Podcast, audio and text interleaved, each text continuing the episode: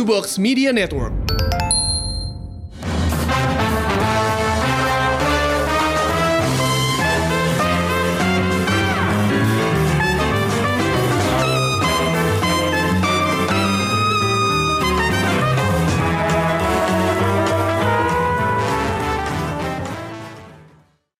Selamat datang di Showbox Podcast dengan gue Lisa. Dan gue Amy. Hai Emi. Hai. Apa kabar? Gimana nih? Kita masih PSBB sampai tanggal 4 Juni. Em, tapi semoga sehat-sehat aja ya. Ya, kalau gue sih sehat-sehat aja kecuali masalah perut.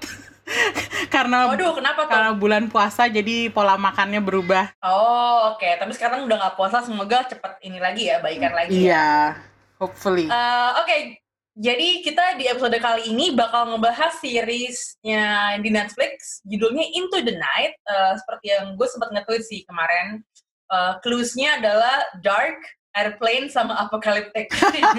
dan kita akan dan kita akan bahas nih apakah bener kayak gitu. Em, eh, ini dibagi ke dua sesi, ada yang non spoiler. Di sesi non spoiler kita bakal bakal ngomongin ini sebenarnya series tentang apa gitu ya. Terus eh, mungkin eh, pembagian episodenya kayak gimana. eh, terus nanti di sesi spoilernya kita bakal ngasih tahu kira-kira eh, apa yang kita suka dari series ini dan apa yang kita nggak suka. Sih kalau yang udah denger show, kalau yang udah sedang sudah tahu lah ya. Kita selalu ada non spoiler dan spoiler gitu. Ya. Eh, tapi sebelum dimulai mungkin kita dengerin dulu eh, trailernya Into the Night berikut ini. J'ai besoin d'aller vers l'ouest. Londres, Dublin, New York. Euh, pas de retour. Juste l'aller. Sophie Ça va, mademoiselle C'est ma pote à New York. Je, crois qu'elle s'est étouffée, je sais pas, elle s'est effondrée. T'as un pouce cadeau, toi. Oke, itu dia tadi trailer dari series Into the Night. Nah, ini eh, sebenarnya ini eh, sci- eh, science fiction series dari Belgia. Emi, lo eh, familiar nggak dengan film atau eh, series dari Belgia? Eh, sebenarnya kalau perfilman Belgia gue kurang paham ya, tapi eh, direct apa eh, sutradara, filmmaker sama aktor dan aktris Belgia itu sering main film Prancis juga. Karena bahasa di Belgia kan pakai bahasa Prancis juga kan. Jadi eh, gue cukup familiar dengan perfilman Prancis. Yang mana kalau misalnya Hmm. tahu uh, The, The Dardenne Brothers itu uh, yang sempat bikin film bareng sama Marion Cotillard uh, itu pasti tahu lah uh, itu dua pentolannya Belgia gitu. Terus uh, apa namanya uh, gue denger Into the Night ini bahkan gue pikir tadinya ini judul Prancis karena uh, waktu itu sempat dengar-dengar tentang serial ini dan uh, yang gue ketahui adalah serial ini memakai bahasa Prancis jadi gue asumsikan ini produksi Prancis tapi ternyata ini produksi Belgia gitu. Dan apa namanya Oke. kalau misalnya ngelihat daftar aktornya yang main di Into the Night ini uh, pasti uh, pernah uh, ini deh pasti pernah apa namanya ngelihat di satu film yang mungkin uh, pernah ditonton di mana gitu kayak ada salah satu aktornya yang main di film uh, di Netflix juga yang Zone Blanche Hmm. nah itu tuh ada tuh Ya. salah satu aktor yang main di situ gitu Oke, jadi eh, kalau Belgia itu kan memang negara dengan tiga bahasa ya. Jadi ada Prancis, ada Jerman juga gitu ya. Pokoknya dia tuh Hmm. eh, memang sebuah negara yang multikultural dan eh, beda-beda gitu apa bahasanya. Eh, Mm-mm. Nah, ada bahasa Belanda juga ya Iya Belanda. Jadi memang dia tuh emang mungkin karena di tengah-tengah ya. Jadi memang orangnya ya Mm-mm. dari seki dari negara-negara tetangganya gitu kan. Nah menurut Mm. ini seriesnya memang menggambarkan negaranya kalau menurut gua. Jadi memang Mm. ini uh, a group of diverse people gitu ya, multikultural, beda-beda backgroundnya. Dan ini yang bikin apa sih sebenarnya seriesnya jadi menarik gitu. Eh Into Night ini di, dibuat dan ditulis oleh Jason uh, George. Ini yang bikin Narcos. Lo udah nonton Narcos belum di Netflix? Kalau gue sih nggak nonton Narcos tapi tahu namanya Jason George soalnya Hmm, oke. eh, karena dia di, emang bikin Narcos kan jadi lumayan high profile ya. Hmm. Jadi waktu gue denger bahwa oh ini tuh dari yang bikin Narcos gitu. Hmm. Oh gue percaya deh soalnya gue tahu reputasinya Narcos kan sebagai salah satu serial andalan Netflix Hmm, gitu. Iya, gue juga belum nonton Narcos, tapi eh, gue tahu karena semua orang ngomongin. tapi belum, tapi nggak tahu kenapa belum belum sempet aja untuk untuk nonton Narcos gitu. Eh, Oke, Mm-mm. balik lagi ke ceritanya Into the Night. Ini tuh ceritanya tentang sebuah penerbangan dari Brussels ke Moskow ke Rusia. Eh, terus ini tuh Mm-mm. awalnya lumayan eh, ya biasa aja lah, orang baru bangun, terus ci- ciuman-ciuman gitu ya. Eh, terus tiba-tiba eh, uh, sampai di bandara dan ketika mau boarding ada satu orang yang menyambar um, senjata dari air army dari tentara yang jagain uh, airport lalu dia lari ke pesawat uh, dikunci uh, pintunya dan dia maksa kaptennya untuk terbang dan akhirnya mereka terbang gitu. Uh, itu hmm. awal yang sangat uh, uh, action pack bener-bener padat gitu ya. Dan nontonnya tuh kayak ya nggak nggak ini aja nggak nganggur aja gitu mata gue nggak ke mana-mana. Bener-bener terpaku untuk nonton uh, mungkin karena gue kangen naik pesawat juga kali ya. Jadi kayak uh, something about airplane movies tuh menurut gue menyenangkan banget karena emang gue orangnya suka suka naik pesawat gitu.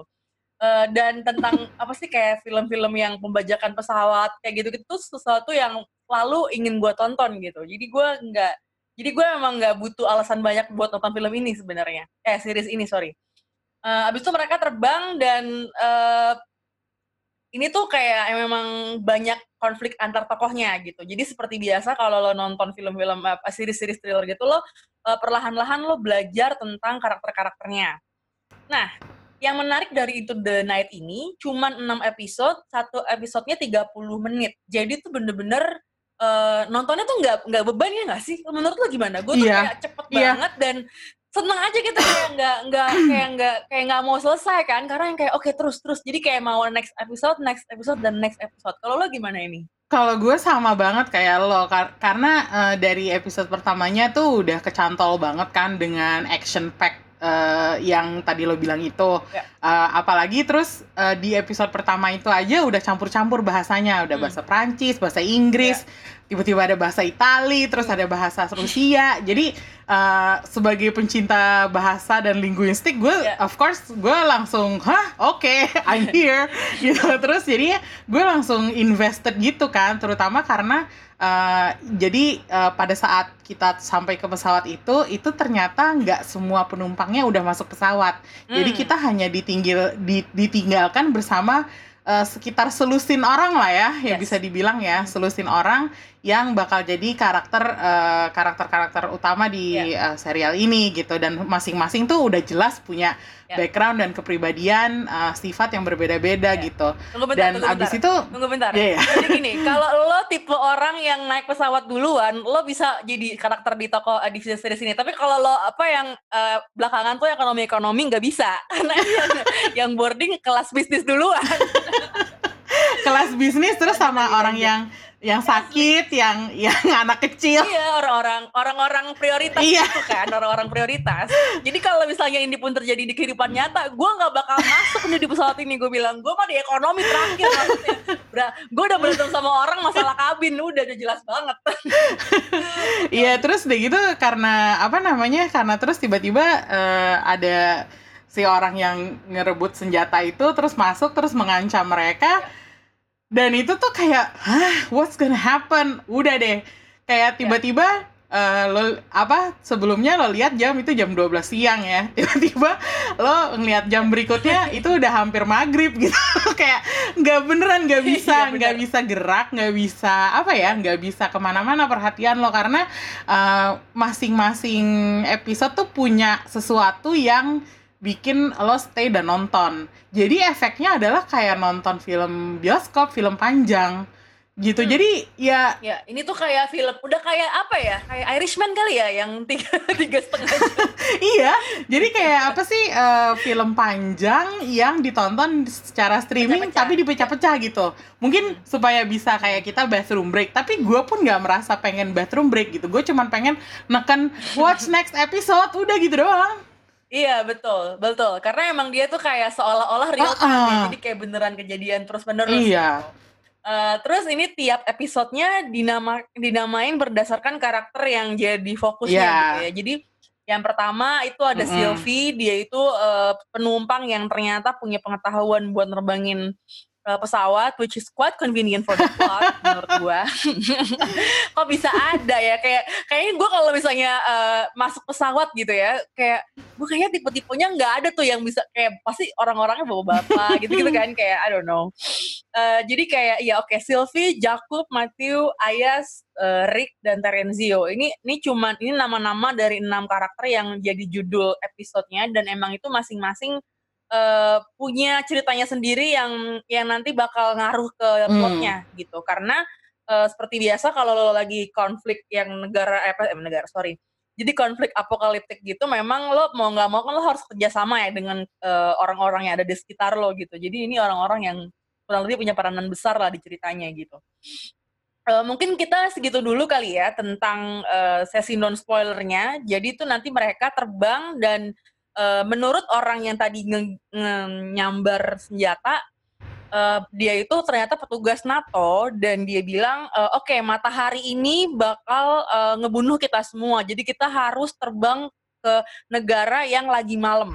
Jadi into the night itu lo harus terbang ke negara yang masih ya, masih gelap ya nggak kena matahari gitu.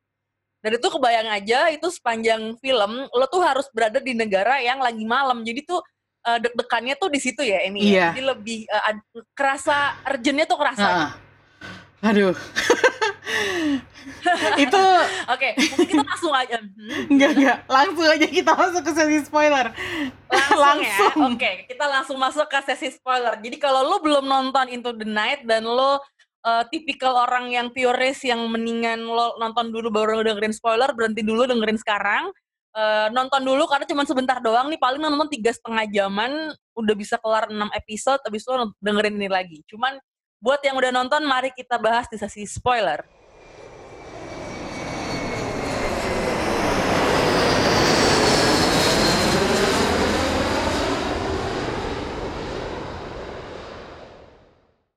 Oke kita masuk ke sesi spoiler. Eh, jadi gini, kalau gue mungkin bahas eh, nggak sukanya dulu karena nggak sukanya Oke. dikit. Lu gak suka apanya? Kalau gue nggak suka, eh gue paling nggak sukanya cuman karena ini aja sih, karena loopholes-nya tuh eh, lumayan kerasa. Eh, misalnya gini, kayak lo terbang berapa jam, terus lo ngisi fuel berapa jam, terus lo harus nyari eh, hunting buat makanan sama obat tuh berapa. Itu kan mereka bilang ya, tapi kalau lo nonton itu kayaknya it takes longer than that. Oh iya iya iya. Eh, tapi atau jadinya terlalu cepat kayak gitu-gitu tuh menurut gue detil-detil yang cukup ngeganggu karena itu terjadi beberapa kali kan jadi kayak aduh ini kayaknya kurang konsisten deh soal pembagian waktunya Eh, terus ada loophole-loophole yang kayak misalnya bukannya loophole sih mungkin tapi memang memang kinerja kenapa matahari itu jadi membunuh itu nggak dijelasin gitu jadi gue gue tuh nyari itu banget kan bahkan sampai akhir tuh kayak kurang jelas Eh, jadi kayak cuman sekilas aja oh ya udah deh pokoknya matahari berbahaya buat manusia udah gitu. Eh, jadi kayak terlalu convenient aja gitu buat plot ceritanya maju terus gitu loh. Jadi kayak dan lo nggak punya apa ya something to hold on to gitu loh. Lo nggak punya harapan kira-kira ini celahnya di mana nih biar orang-orang ini bisa bertahan kayak gitu. Jadi kayak I don't know uh, it's just uh, hal-hal kecil yang menurut gue ya aduh ini kurang di sini kurang di sini. Tapi sebenarnya gue masih lebih masih bisa menikmati seriesnya sih kalau lo? Sebenarnya gue eh, setuju sama lo bahwa eh, convenient banget mereka bisa terbang eh, continuously tanpa ada kayak terlalu banyak masalah mengenai ada sih menge- masalah mengenai fuel misalnya Eh, itu sempat dibahas tapi eh, memang kerasa cepet aja gitu. Eh, kalau menurut gue yang lebih bermasalah adalah eh, yaitu tentang eh, kenapa mataharinya jadi membunuh. Sebenarnya itu eh, dibahas sih sama karakter yang namanya Horst. Dia kan kayak semacam scientist meteorolog gitu kan. Dia yang sempat jelasin kenapa mataharinya tuh tiba-tiba jadi eh, jadi murderous eh, dan dangerous to human beings dan se- semua makhluk yang ada di bumi ini gitu. Cuman memang penjelasannya Ya. tuh sepotong-sepotong dan bahasanya tuh Hmm. jargon banget gitu. Jadi dan itu itu Hmm. diaddress juga sama karakter-karakter di film ini setiap kali Hmm. Horst ngomong tuh kayak lu nggak bisa bikin simple aja bahasanya gitu jadi kayak eh, apa eh, itu memang eh, kayaknya memang sengaja kali ya dibikin kayak gitu supaya eh, kayak ada Hmm. semacam misterinya gitu dan gue merasa bahwa Ya. em, ada beberapa karakter yang ya akhirnya karakter-karakter yang yang ini sih eh, tersingkir ya tanda kutip gitu karena mereka akhirnya mati gitu tapi kalau menurut gue Hmm. kayak contohnya ada si apa yang Arab itu yang rambut keriting Ayas? bukan Eh, yang bukan yang ya? duduknya Yang- di sebelah Rick di awal penerbangan yang dia yang dibilang ya teroris yang dibilang ya teroris gitu maksudnya Ya. kenapa eh, kayaknya apa kalau dia dibiarin hidup lebih lama kayaknya bakalan lebih nendang gitu loh. Tapi dia ter Hmm, apa dia iya, mati iya, iya. kayak terlalu cepat gitu dan apa namanya kayak ya Hmm, udah iya. jadi Hmm. akhirnya cuma tempelan doang. Terus si bapak-bapak Rusia Iya. itu contohnya. Terus yang tentara-tentara Inggris uh, atau Irish atau apalah yang Iya. mereka ketemu di airport di mana namanya di Inggris itu di apa di Scotland gitu ya gue lupa pokoknya itu tuh kayak jadinya uh, mereka ketemu sama orang-orang yang hanya apa ya passing through aja gitu jadi nggak nggak sebenarnya Hmm. nggak nggak nggak terlalu berpengaruh ke plotnya dan itu menurut gue Hmm. agak sayang aja karena kalau misalnya mungkin diperdalam atau mungkin durasinya dipanjangin itu mungkin bisa digali Hmm. dengan atau digambarkan dengan lebih baik gitu gitu aja sih uh, cuman Mhm. masalah Oke. ka- karakter-karakter yang ah tempelan doang akhirnya gitu. Cum Mhm. ya itu aja sih kalau kritik gue. Tapi kalau dari eh, sukanya banyak dong, karena eh, kalau gue sih ini suka banget karena bener-bener nggak bertele-tele dan pokoknya kerasa langsung gitu Iya. semuanya dan eh, gregetannya tuh dapet gitu. Karena kan kalau lo lagi urgent kayak gini, pasti ada karakter-karakter yang bikin lo kesel kan, kayak aduh kenapa sih, gitu? kenapa sih lo bego banget Iya. gitu kan. Eh, kalau lo gimana? Kalau menurut gue eh, salah satu kelebihan dari si Into the Night ini adalah dia beneran keep the space dan the scope itu tight banget ya. Mereka hanya fokus emang beneran ke grup orang-orang ini, the group of survivors yang naik eh, pesawat itu, yang Lucinan tadi gue bilang itu. Eh, ada Sylvie, terus ada si Matthew the pilot, terus ada si eh, Horst, terus ada Ines the social media influencer. Eh, itu emang eh, jadinya karena nggak ada gangguan-gangguan yang dari luar kita beneran bisa fokus ke mereka dan dinamika mereka gitu. Itu yang bikin menarik adalah eh, shifting alliances dari satu karakter ke karakter lain. Itu Hmm. menarik banget loh terutama eh, yang gue sebut tadi Rick contohnya. Rick itu tuh kayak gimana ya? He's an old man craving validation.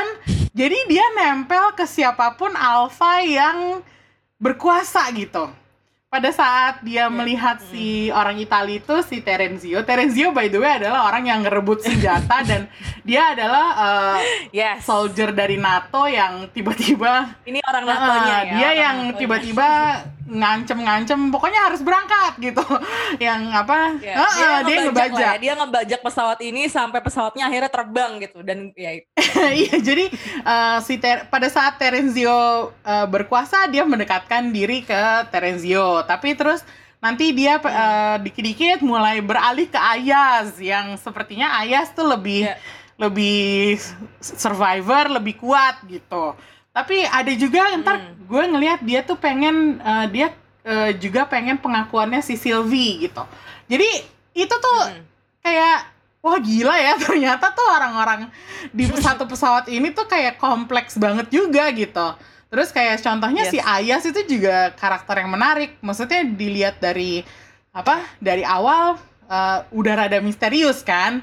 Eh, gua pikir Hmm. tadinya dia kayak semacam polisi atau apa, tapi ternyata dia itu kayak businessman yang shady banget gitu. Cuman dia emang punya sisi Yes. heroik yang ternyata keluar pada saat eh, krisis ini gitu dan tiba-tiba kayak itu yang episode di mana si Ayas yang tadinya udah udah terluka, udah mau mati, tiba-tiba dia berhasil nongol lagi di airportnya itu sih kayak gue gue Iya. berdiri gue bersorak sih jujur aja karena itu gue nggak sangka banget iya, iya, gitu jadi emang men- karakter-karakternya tuh sangat menarik dan kita bakalan terus uh, invested to these people Iya. gitu Eh, jadi ketika Ayas tiba-tiba nongol di depan pesawat dengan terpincang-pincang gitu, bisa naik mobil ternyata. For some reason gue nggak ngerti gimana dia bisa naik mobil.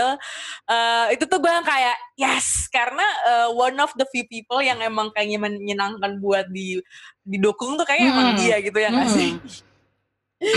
gitu. Oke, kalau gue tuh ngerasa nonton Into the Night itu kayak nonton Lost versi yes makanya gue ya kan jadi tuh gue sebenarnya nggak terlalu ngerasa ini tuh ide cerita yang baru gitu buat gue jadi bener-bener kalau lo nonton Lost season pertamanya itu persis kayak gini jadi tuh eh, bahkan dibuka ketika mereka udah ini udah crash di Mm-mm. island itu kan Mm-mm.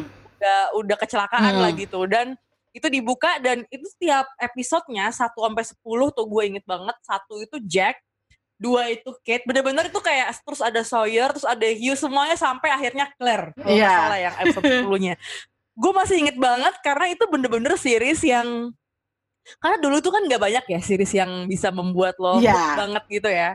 Eh, dulu tuh kayaknya itu lumayan life changing gitu bikin series kayak Lost sayangnya bertele-tele dan sampai 24 episode per season. Gue nggak ngerti kenapa dulu gue tahan nonton 24 episode gue nggak ngerti sumpah.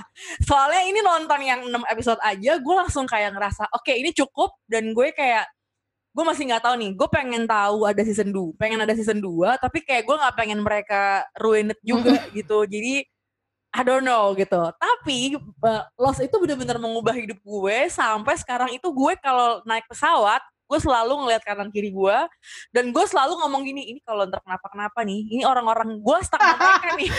Iya, iya, iya. depan gue kanan gue kiri gue gitu kan kayak bener-bener wah ini better orang-orang ini bahaya sama gue gitu kan. Jadi kayak gitu sih gue suka berpikir yang aneh-aneh gitu kan. Jadi kalau kenapa kenapa nih ntar gue orang ini kayak baik nih. Jadi kayak udah mulai naker-naker tau gak karena itu kayak terlalu terbawa imajinasi gue kalau nonton Lost. Nah ketika nonton film ya, ketika nonton series ini yang Into the Night gue kayak gitu banget jadi ketika ngeliat ada si Ayas terus ada siapa tuh si Terenzio kayak gitu-gitu bener-bener wah ini itu Terenzio kalau di Lost udah kayak Sawyer ya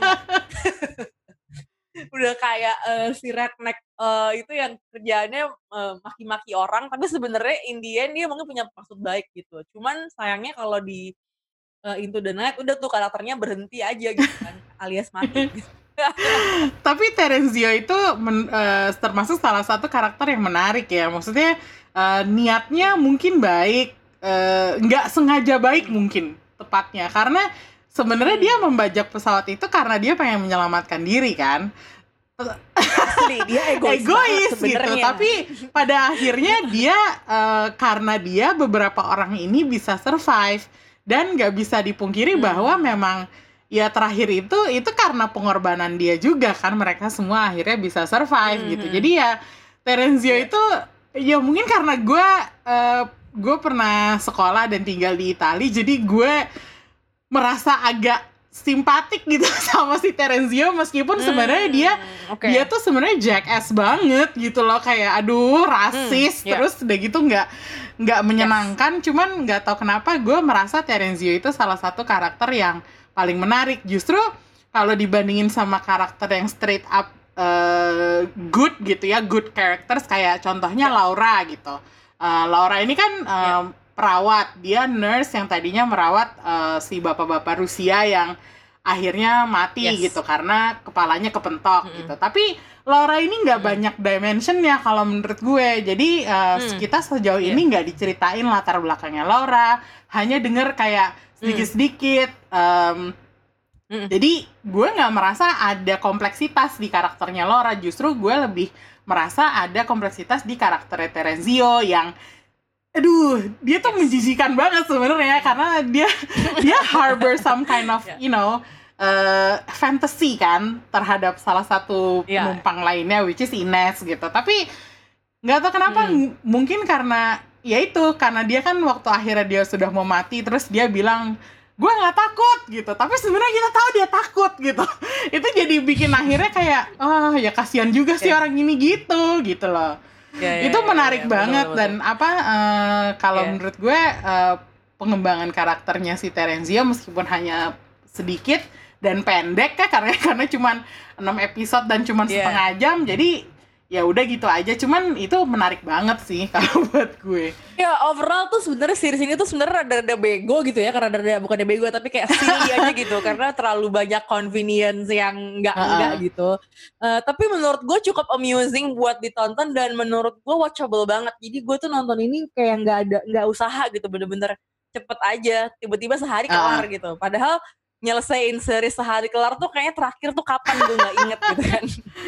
Kadang-kadang kalau series yang satu men, satu episodenya aja 45 menit tuh gue bisa dua atau tiga kali nonton gitu karena gue harus ya lanjut kerja dulu atau ada hal lain yang harus gue kerjain gitu jadi bisa langka banget tuh gue bisa nyelesain sehari uh, satu series tuh udah nggak udah kayak udah nggak mungkin Iya. gitu sebenarnya kalau di dalam kerjaan lo tuh iya sekarang. benar banget Nah ini gue sempat berpikir nih, apakah menurut lo uh, series kayak itu The Night gini adalah permulaan dari series-series yang lebih pendek buat Netflix? Karena kalau gue rasa nih mereka udah mulai nangkep kalau orang tuh nggak terlalu suka nonton yang panjang-panjang sebenarnya. Jadi itu yang biasanya sejam, dulu kan kalau lo nonton series satu episode tuh bisa 40 uh, 40 lebih dari 55 mm, lah ya, mm. 40 uh, sekitar 50 menit lah, 50 menit karena itu dibuat buat TV dan dikasih slot 10 menit buat iklan. Mm, Biasanya mm. kan kayak gitu kan. Jadi paling enggak tuh 50 menit lah satu episode itu.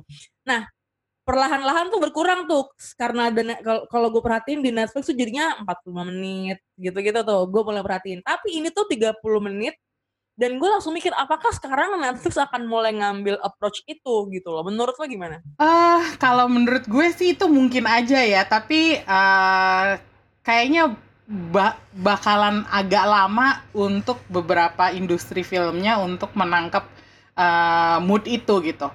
Kalau gue bers hmm, berspekulasinya hmm, adalah ini karena masalah budget. Into the Night itu kalau kalau oh, menurut gue okay. uh, dia budgetnya mungkin nggak banyak karena mungkin baru iya ya. cuma kayak pesawat iya, doang gitu. bekalnya cuma pesawat doang kan dan dia kebanyakan uh, ngasih lihat actionnya kan dari malam. dalam pesawat dan malam hari gitu jadi nggak iya. ada tuh malam berarti lightingnya nggak banyak iya dan kayak apa sih kayak waktu apa namanya waktu terjadi guncangan apa segala macam kan point of view-nya kan dari dalam hmm. bukan dari luar gitu jadi kalau yes, menurut gue yes, memang yeah. ini ada salah satu unsur yang bikin kenapa serial ini jadi cepet banget itu adalah mungkin karena mereka emang nggak punya hmm. budgetnya. Nggak tahu kalau misalnya nanti dibikin hmm. lagi terus budgetnya ditambah jadi bisa lebih panjang. Nggak tahu juga. Cuman kalau hmm. menurut gue itu hmm. itu juga kejadian dengan uh, gue bisa sebutin um, contohnya dari Asia sendiri ya. Uh, Half World, hmm. Half World season pertama Hmm. Dia itu uh, entah karena ini yang dibuat Joko Anwar ya, ya sama HBO. Ya, itu juga hmm. panjangnya durasinya tuh nggak sampai 40 menit, tapi 30 menit dan menurut hmm. gue itu cukup hmm. gitu. Alasan kenapa gue lebih yeah. invested ke Half World season pertama daripada season kedua adalah karena laju season pertama tuh lebih cepat gitu. Jadi kalau menurut gue hmm. uh, seandainya ada filmmaker atau screenwriter yang bisa merangkum cerita dengan segitu efisiennya sam sa sampai bisa yeah. merangkum uh, cerita tuh kalau di kalau diceritain tuh nggak lebih dari 8 episode dan panjangnya tuh nggak lebih hmm. dari 35 menit itu akan sangat baik gitu. Tapi itu semua tergantung hmm. lagi dari ceritanya sih. Ada beberapa cerita yang mungkin yeah. kayak kayak contohnya Game of Thrones deh kita sebut aja lagi ya maksudnya hmm. season season terakhir itu kan kerasa cepet banget dan akhirnya jadi malah detrimental to the series itself gitu. Banyak fans yang nggak puas, yeah. yang akhirnya uh, menghujat gitu. Jadi ya tergantung ceritanya juga series yeah. kalau menurut gue. Tapi gue hmm. sangat appreciate okay. dengan uh, durasinya si Into the Night ini karena di saat di mana yes. kita lagi sibuk-sibuknya Uh, iya nggak yes, sih exactly. karena karena kan kita meskipun hmm. kita work from home atau apa tapi kan load kerjaan kita kan sama aja ya kalau misalnya kita yeah, lagi betul, sibuk betul. terus kita disuruh nonton uh, drama berdurasi 50 menit, gue mah juga ogah gitu loh. Jadi kayak mendingan gue cari sesuatu yang seperti Into the Night ini gitu. Yes benar benar benar uh, iya sih kalau gue berharapnya memang eh, nggak uh, tahu gue tuh sekarang nonton yang lama-lama tuh kayaknya ter terasa menyiksa banget jadi uh, yang lain itu di Netflix yang pendek itu juga Never Have I Ever jadi itu kayak teenage drama hmm. teenage comedy drama lah ya uh, di uh, buatan Mindy Kaling uh, cuman sama juga tuh tapi itu ada 10 episode dan per episodenya 30 menit which is gue yang kayak yes kalau ini gue kayaknya um, gue, apa gue bisa on board karena emang cepet aja gitu nyelesainnya walaupun agak banyak karena 10 episode. Uh, jadi gue berharapnya sih emang ini um, mulai jadi uh, ini mulai jadi inilah ya acuan hmm. lah ya semoga gitu. Karena gue nonton nonton yang lama-lama aduh nggak kelar kelar makin lama buat nge-review di showboxnya gitu soalnya kalau kita nggak bisa nge-binge makin makin gak rekaman gitu iya makin gak rekaman gitu oke okay, uh, eh, ini terakhir nah. mungkin ya uh, trivia tentang uh, Into the Night ini ternyata gue sempat riset tadi sebelum rekaman kalau ini tuh sebenarnya terinspirasi dari novel tahun 2015 Hmm. Judulnya The Old Axolotl. Hmm. Gue gak tau nih ngomongnya bener apa enggak. Tulisannya emang Axolotl gitu ya. hmm. ya. Ini ditulis sama penulis sci-fi dari Polandia. Namanya Ja- Jacek Dukai. Semoga gue ngomongnya bener ya, Jacek Dukai. Eh, nah, si Jacek Dukai ini kebetulan jadi eksekutif produser di Into the Night juga. Gitu. Nah, novel yang diterbitin 2015 itu memang cuman terbit eh, dalam format digital dan katanya sih kalau yang gue baca di eh, tadi sempet eh, Google-Google dikit, novelnya ini tuh mirip sama kayak Altered Carbon, sama kayak Westworld gitu. Jadi memang mengandaikan sebuah dunia yang eh, tiba-tiba tuh kayak semua ya makhluk hidup tuh mati karena ada kayak semacam gelombang neutron yang membunuh semua orang gitu. Hmm. Jadi eh, orang-orang yang bisa bertahan hidup itu adalah orang-orang yang udah ngupload kesadaran mereka ke sebuah game virtual reality namanya Insoul 3. Wow. Jadi itu sebuah game yang outdated, eh, game yang sangat nggak populer banget sebelum terjadi si apa sih ya sebelum ada kejadian ini ya eh, katastrofi ini. ya.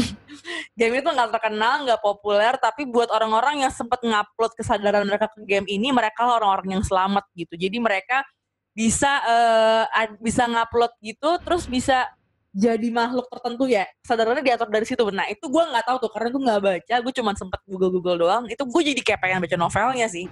Karena kayaknya kok seru juga nih dia bener-bener ngegabungin mesin sama kesadaran manusia gitu kan. Nah katanya si Into the Night ini sebenarnya tuh jadi kayak prequel dari novel ini Oh. gitu ada yang nyebut tuh kayak gitu jadi gue langsung kayak oke bring it on series 2, 3, 4, 5 Tapi ini menarik banget lo menyebutkan novel itu ya dan Hmm. menyebutkan bahwa Into the Night sebagai prequel karena kalau kita lihat endingnya Into Hmm. the Night yang sekarang itu memang hmm. eh, tiba-tiba mereka datang kan ke underground bunker yang di bawah eh, waduk itu kan. Yes. Terus tiba-tiba tentara Hmm, yang menyambut grup survivor ini eh, ngomong ke Sylvie, "We have a lot to do" gitu. Hmm. Terus wajahnya Sylvie kayak yes. What? Gitu kayak hah? Iya. gimana? Gitu. Jadi kesannya tuh kayak seakan-akan memang bakal dilanjutin gitu. Nah eh, Hmm, kalau ya. misalnya dilanjutin apakah mereka akan ngambil langsung eh, premis seperti yang diceritakan di novel? Atau masih lari-larian eh, menyembunyikan diri dari matahari gitu Eh, either way ya bisa aja Hmm. sih. Kayaknya kalau kalau dikerjain dengan bener bakalan bisa seru gitu. Cuman yang pasti sih gue masih belum pengen berpisah sama Sylvie dan kawan-kawan. Jadi kalau bisa sih ya tetap ada terus aja gitu. Maksudnya apakah mereka bakalan eh, ngadaptasi Old Axolotl langsung atau misalnya masih di berupa prequelnya yang selanjutnya Into the Night apalah itu terserah. Tapi kalau bisa karakter karakternya tuh dipertahankan karena kita tuh udah eh, kalau gue Hmm. terutama sudah invested banget sama Sylvie, Matthew, Ayas gitu kan jadi udah udah sayang banget Iya. nih sama mereka gitu jadi kalau bisa Kalau sama Ines saya sama Ah, Ines. sama Ines tunggu dulu tunggu dulu jadi gitu deh Buat yang lupa Ines tuh yang jadi influencer itu loh yang kerjaannya ngeliatin mulu. Iya gitu sih. Jadi menurut gua kalau bener ini prequel yang it's a genius idea menurut gue jadinya nanti kalau lo kalau kalau gua ya ngebayanginnya nanti kalau beneran bisa ngambil dari novel yang Old Axolotl ini bisa jadi season 3 atau 4-nya dan itu bisa lebih naik tuh peaknya. Hmm, peak ceritanya hmm. bisa lebih lebih lebih ini lebih seru lagi gitu kan. Jadi gue sangat menantikan ini kemajuannya gimana. Sayangnya ini lagi corona, jadi nggak ada kabar apakah itu bakal dirindu atau enggak. Cuman ya kita berharap aja deh. tenang tenang biasanya kayak serial-serial kayak gini ntar tiba-tiba uh, out of the blue gitu kan tiba-tiba diumumin ada si ada season 2-nya gitu gue masih Ya kita Oh harus iya, optimis. gue mau bilang kita memang harus optimis aja sih. Kayaknya kalau Netflix lumayan baik Yes. sama kita gitu. ya apalagi Netflix itu kan selama pandemi eh, dia naik sekitar 300% ya em, Iya, apa Subscriber subscribernya ya. gitu.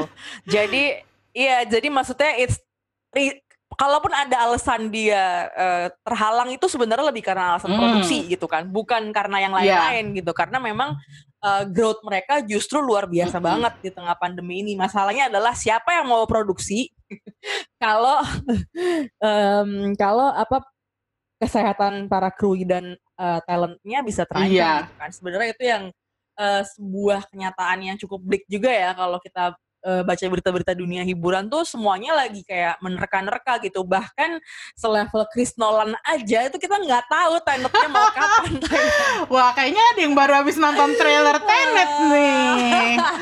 Gue menduganya. Nggak, nggak, nggak. Jadi gini, jadi sebelum rekaman tuh gue sama Emi dan Rana kita ngomongin apakah kita harus ngebahas trailernya Tenet gitu kan. Cuman seperti yang kalian tahu kita nggak suka nonton trailer Uh-uh. gitu dan kita lebih suka nonton filmnya langsung tanpa harus dibumbui trailer. Jadi emang ya udah mau nggak mau kita nggak bahas trailernya karena emang gue menolak nonton. Lo gimana? Gue juga gak pengen nonton trailernya sih. Eh, Kalau nggak salah ini trailer kedua kan, trailer keduanya Tenet yang keluar.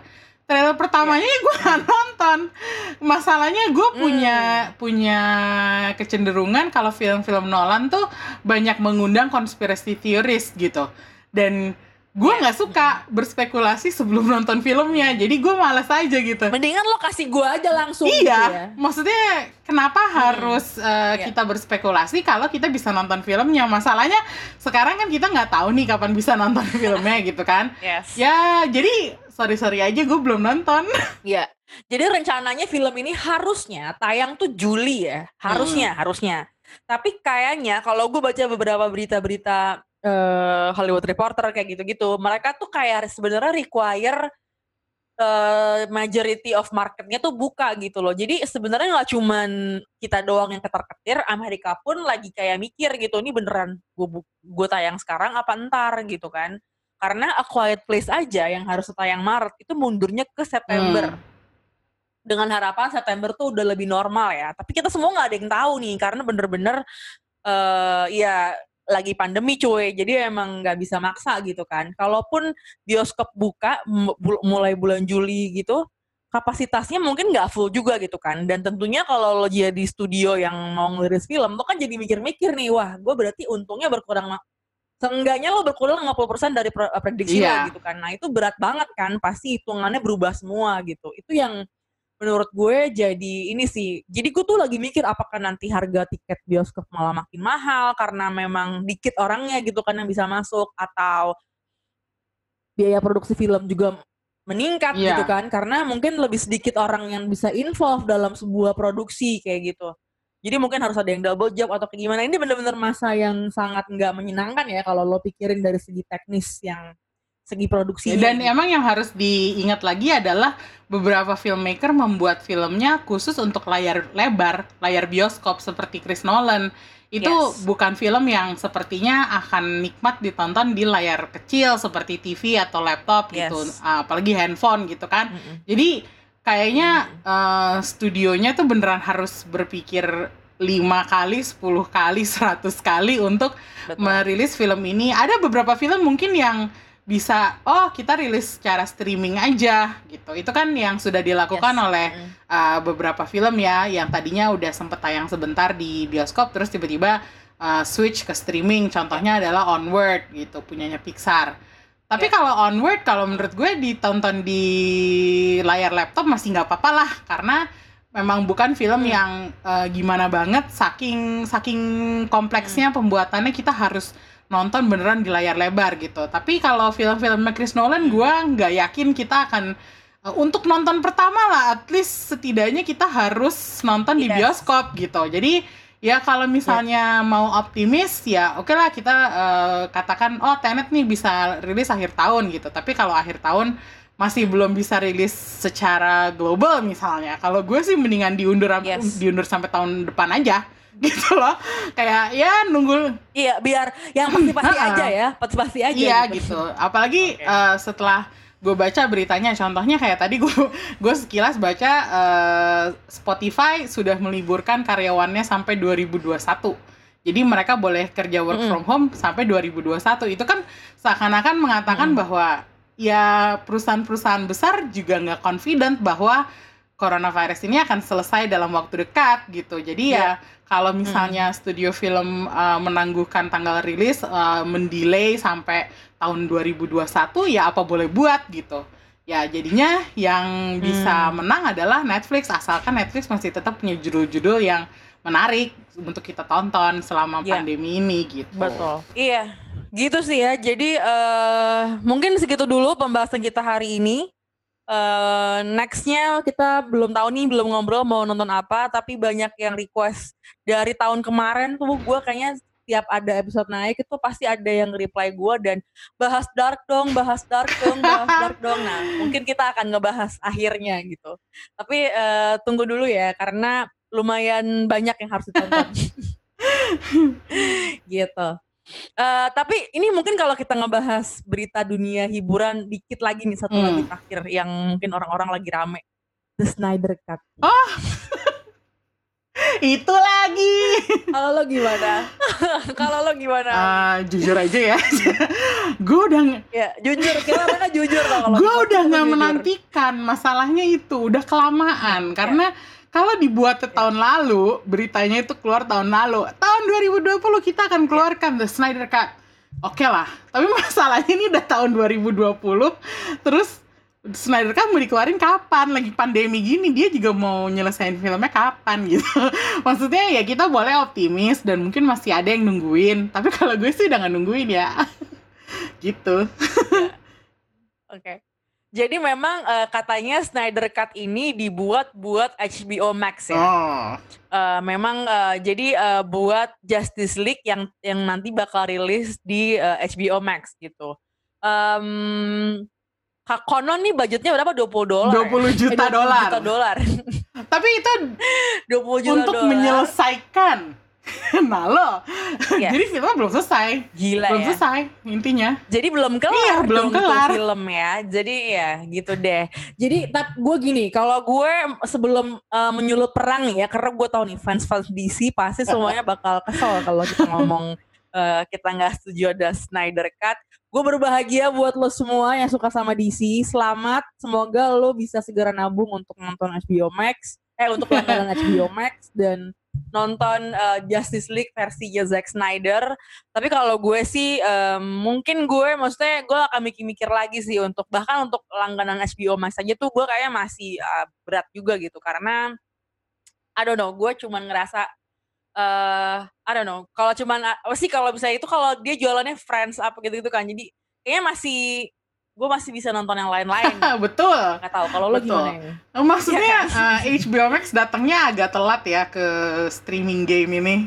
Gua rasa sih ke nyampe ke Indonesia pun gua nggak tahu iya. kapan kan HBO iya. Max itu. Tapi tapi udah banyak orang-orang di uh, Twitter tuh gua lihat mereka udah mulai udah mulai bikin grup kecil-kecil untuk uh, langganan HBO Max yang versi Amerika. Jadi tapi mereka nyari orang yang punya kartu kredit yang base-nya di Amerika gitu kan. Uh, tapi kalau misalnya lo biasa beli kayak gift card gitu-gitu ya, banyak sebenarnya yang jual di e-commerce kita tuh kalau lo mau nontonnya legal pun sebenarnya bisa gitu. Kalau lo mau yang versi Amrik lah atau versi apa kayak gitu, itu sebenarnya bisa sih. Lo tinggal bayar versi rupiahnya aja, ntar dikasih sama itu sebenarnya ada yang bikin usaha kayak gitu. Jadi sebenarnya selalu ada jalan kalaupun lo mau nonton yang legal mm -hmm. gitu kan. Cuman masalahnya menurut gue ini bakal pricey banget sih si HBO Dan Max ini gitu. Jadi saat ini know. juga gue belum melihat programming yang benar-benar kuat dari HBO Max untuk bisa exactly, nyaingin yeah. Iya. uh, misalnya mm. Disney Plus atau bahkan apa Apple uh, Apple, Apple TV, TV ya. Jadi maksudnya yeah. uh, mm. bahkan kalau menurut gue ya uh, Amazon Prime yeah. aja mungkin masih lebih menjanjikan karena dia sudah punya list yang cukup kuat dan. Ya. uh, ada semacam janji bahwa mereka akan mengeluarkan Lord of the Rings gitu kan. Tapi ya HBO hmm, Max yeah. apa gitu, dia belum mengumumkan judul yeah. yang benar-benar uh, bombastis atau cukup cukup yeah. you know uh, menarik hmm. untuk bisa narik uh, penonton itu problemnya dengan HBO Max saat hmm. ini gitu. Yes. Ya nggak tahu kalau misalnya ternyata nanti semua prequel Game of Thrones ditaruhnya di HBO Max, ya mau nggak mau gue juga bakal cari cara sih buat langganan HBO Max. Tapi untuk sekarang ini sih belum. Yeah, yes. Gue setuju sih. uh, gue mungkin yang kalau misalnya gue boleh milih uh, platform dari Amerika yang pengen gue tonton, yang pengen gue langganan itu sebenarnya Hulu. Betul. Karena ada series series-series yang pengen gue tonton. Tapi gue aduh gimana ya nggak tahu nih belum tergerak nih belum tergerak karena don't know kayak opsinya banyak banget yang bisa di Indonesia gitu ya jadi ntar deh nunggu nunggu yang ini kering dulu gitu. uh, oke okay, segitu dulu showbox edisi kali ini thank you banget udah dengerin semoga lo enjoy dengerin episode kali ini semoga lo suka juga nonton Into the Night Eh, Emmy thank you Yo. banget. Eh, kita ngobrol lagi minggu Oke. depan ya. Terima Bye. kasih semua. Bye bye.